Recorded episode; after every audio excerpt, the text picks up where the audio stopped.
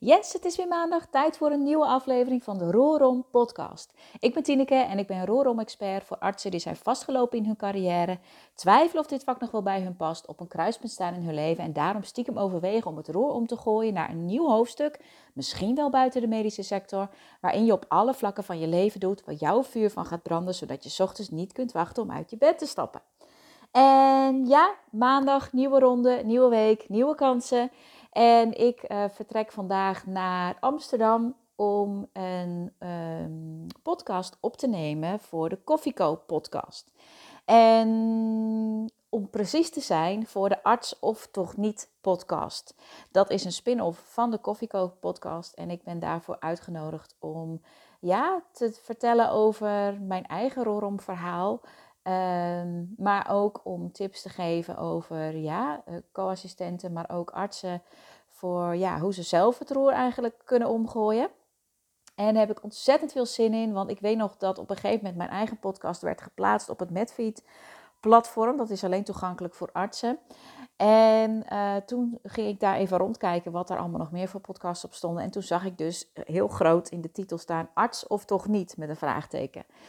En toen was ik echt helemaal dat ik dacht: oh, wat goed dat hier een podcast over wordt gemaakt. Want ja, zoals je weet, ik vind het super belangrijk dat we hier gewoon meer openheid in creëren. Dus ik voel me echt vereerd dat ik uh, daar vandaag naartoe ga om die podcast op te nemen. Ik ga nog even vragen of ik hem ook op mijn eigen kanaal mag delen. En zo niet, dan laat ik je even weten waar je hem zelf terug kan luisteren. Um, maar voor nu wil ik het met je over iets heel anders hebben. Want ik ben vorige week teruggekomen van weer een retreat met zes artsen. Deze keer bij het Flinke Bosje weer in Hemelen. Dat was wel de laatste keer dit jaar, want in het najaar uh, zat het Flinke Bosje al vol. Het is namelijk een locatie die ook veel gebruikt wordt voor bruiloften. Dus uh, in het najaar heb ik een andere locatie in uh. Dat is helemaal in de kop van Noord-Holland. Daar staat uh, Weerschuur Nieuwland, ook een hele mooie locatie. Dus daar kijk ik ook weer naar uit, ook voor mezelf qua afwisseling. Maar voor nu dus nog eventjes in Friesland geweest. En um, ja, we zijn weer aan de slag gegaan met, met een groep van zes artsen. Dus weer heel gevarieerd. Een MDL-arts, een cardioloog, een basisarts, een revalidatiearts. Uh, wat hadden we nog meer? Even denken. Nee, ik kom er eventjes niet op. Maar uh, het ja, een internist ook nog trouwens.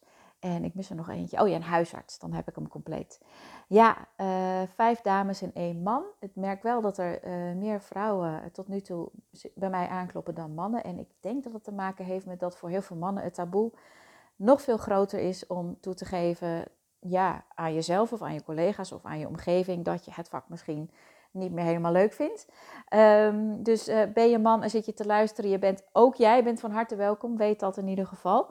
En uh, de leeftijden liepen ook weer uiteen deze keer van begin 30 tot uh, eind 40. Dus ook dat uh, was weer gevarieerd. Hele fijne groep om mee te werken, hele fijne energieën. En um, ja, gedurende de dagen gaan we natuurlijk altijd aan de slag om het roer om te gooien. En op, op de laatste dag deel ik dan altijd een valkuil waar heel veel mensen in trappen als je het roer omgooit. En die komt altijd een beetje out of the blue voor iedereen. En uh, ja, dat was ook deze keer weer zo dat er een beetje weerstand op kwam van oh, oh, oh, ja, is dit zo en uh, wat moet ik hier dan mee? Um, dus ik wil je daar vandaag in meenemen wat die valkuil is, uh, om je daar bewust van te maken dat als jij aan de hand van mijn, misschien wel mijn podcast zelf bezig bent het rol om te gooien, dat je hier rekening mee houdt.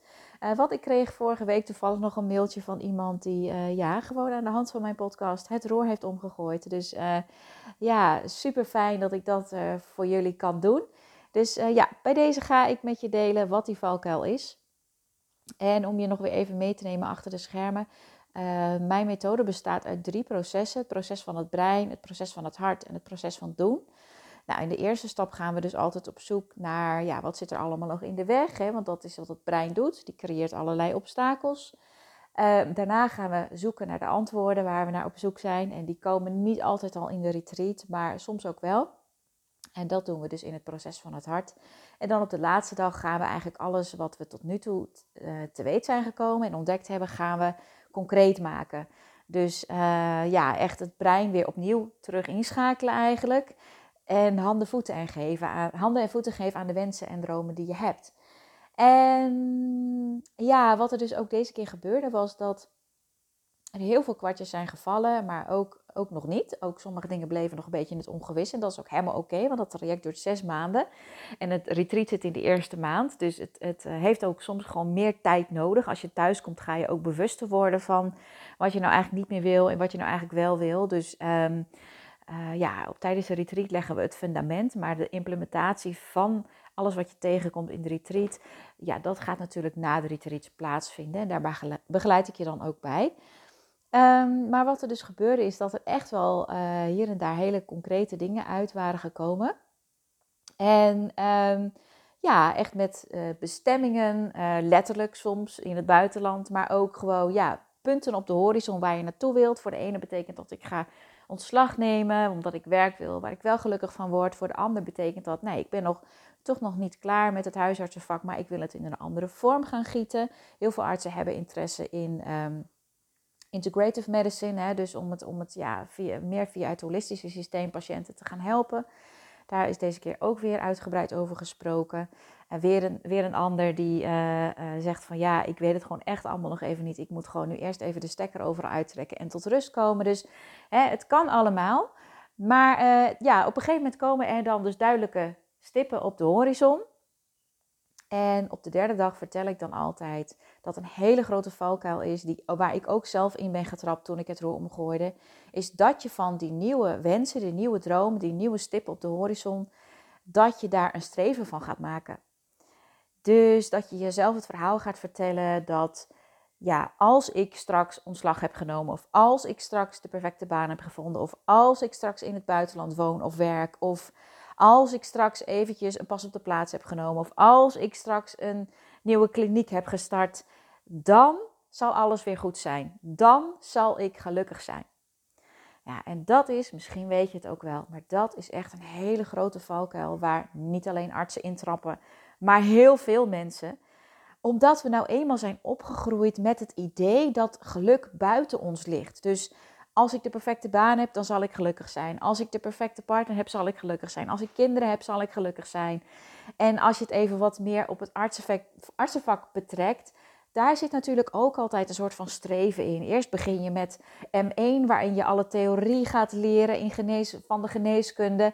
Nou, dan, dat, daar, je, je werkt daarin toe, om, je werkt daarmee toe naar het punt dat je kooschappen gaat lopen. Dan heb je, ben je kooschap aan het lopen. Dan denk je, nou ja, oké, uh, dan moet ik dus nu straks eerst afstuderen. Dan ben je afgestudeerd, dan ga je weer naar het volgende punt toe werken, namelijk een opleidingsplaats. Dan heb je dat bereikt. Dan wil je misschien wel een, in loondienst of in een maatschap of, of een eigen praktijk. Um, dus wat er dan gebeurt, is dat je steeds eigenlijk onderweg bent naar een punt waarop alles goed zal zijn en waarop alles perfect zou zijn. Maar ja, helaas is dat niet zo dat is echt een hele grote valkuil waar ook ik zelf in ben getrapt. Dat ik op een gegeven moment uh, met mijn bedrijf begonnen was en uh, ja, heel hard aan het werk was om het allemaal van de grond te krijgen. En dat ik voor mezelf zo'n punt had van nou, als ik straks de eerste klanten heb, dan is het roer echt om en dan is alles goed. Ja, en toen kwamen die eerste klanten en toen was het niet goed. Tenminste, niet inwendig in mij. Ik voelde me niet gelukkig. Ik voelde me nog steeds leeg. En ja, dat, dat is echt, echt een hele lastige. Want wat je dan gaat doen is.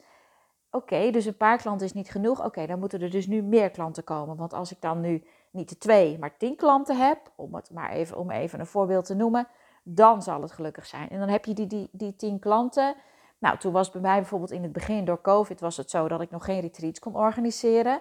Dus toen dacht ik dat, het, dat ik onvervuld voelde omdat er geen retreats waren. Dus toen dacht ik van nou, als ik dan retreats ga organiseren, dan zal alles goed zijn. Ja, en dat punt kwam maar niet en kwam maar niet. En ik, ik schets het nu even heel extreem hoor, want ik was er in die tijd al wel heel erg bewust van hoe dit werkt. En dat geluk natuurlijk helemaal niet van buitenaf komt, maar van binnenuit. In ieder geval dat het van binnenuit begint. En dat zeker externe factoren daar ook een rol in spelen.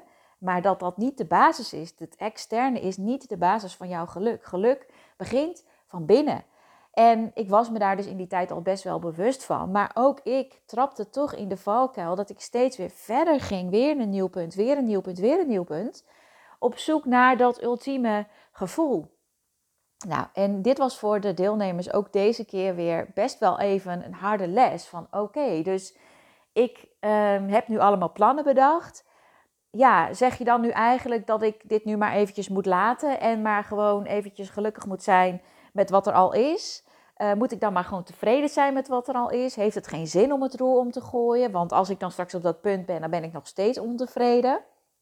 Nou, ik ga je heel even pauze zetten, want de picknick staat bij mij voor de deur. Maar ik pak hem zo weer even verder op. Ogenblikje. Yes, ben ik weer. Boodschappen zijn in huis. Um, ja, dus waar ik was gebleven was, moet je dan nu maar tevreden zijn met wat er is? Uh, mag je geen geluk meer halen uit externe factoren? Nee, dat is natuurlijk zeker niet zo. Um, je hoeft niet tevreden te zijn met de omstandigheden zoals ze nu zijn, omdat ja, geluk van binnenuit komt en dus niet afhankelijk is van externe factoren zoals een baan of een woonplaats of een, een leuke reis of noem het maar op. Je mag zeker um, verandering aanbrengen in je leven, prefereren om je leven anders in te richten, omdat dat beter bij jou past, omdat jij je dan beter voelt, omdat jij dan kan floreren in het leven. Dat is helemaal niet verboden. Sterker nog, ga dat vooral doen. Maar het punt is dat als jij, ook al is je situatie nu nog zo shit, als jij nu niet kunt zien wat er allemaal wel al goed gaat in je leven en je kan alleen maar de negatieve dingen eruit filteren, dan zal je dat ook ervaren als je bij punt A, B of C bent aangekomen. En dat is de valkuil waar heel veel mensen intrappen, omdat we gewoon opgroeien in een maatschappij waarin we ja, leren dat het allemaal buiten ons ligt. Je ziet dat bijvoorbeeld ook bij heel veel beroemdheden die, uh, ja, nou ja, je kan tal van voorbeelden natuurlijk van noemen, waarvan je, aan de, waarvan je zou denken, you've got it all. Hè? Grootse carrières, misschien zangers of zangeressen met, met miljoenen op de bank.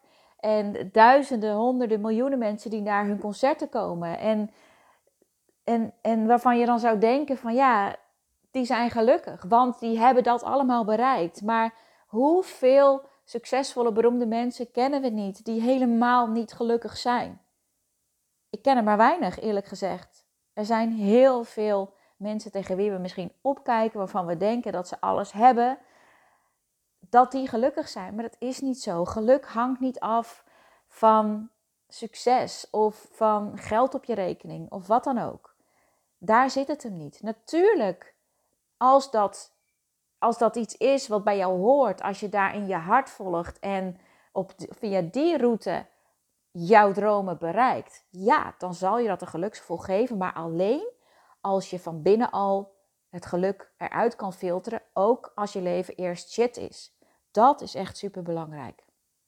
Dus het leverde even wat verwarring op bij de deelnemers. Misschien nu ook wel bij jou. Misschien ook niet. Misschien denk je, ja Tineke, dit is logisch, dat wist ik allemaal al. Dat is helemaal top. Want ik heb daar wel aan gewerkt door uiteindelijk uh, voor mij in het achterhoofd te houden.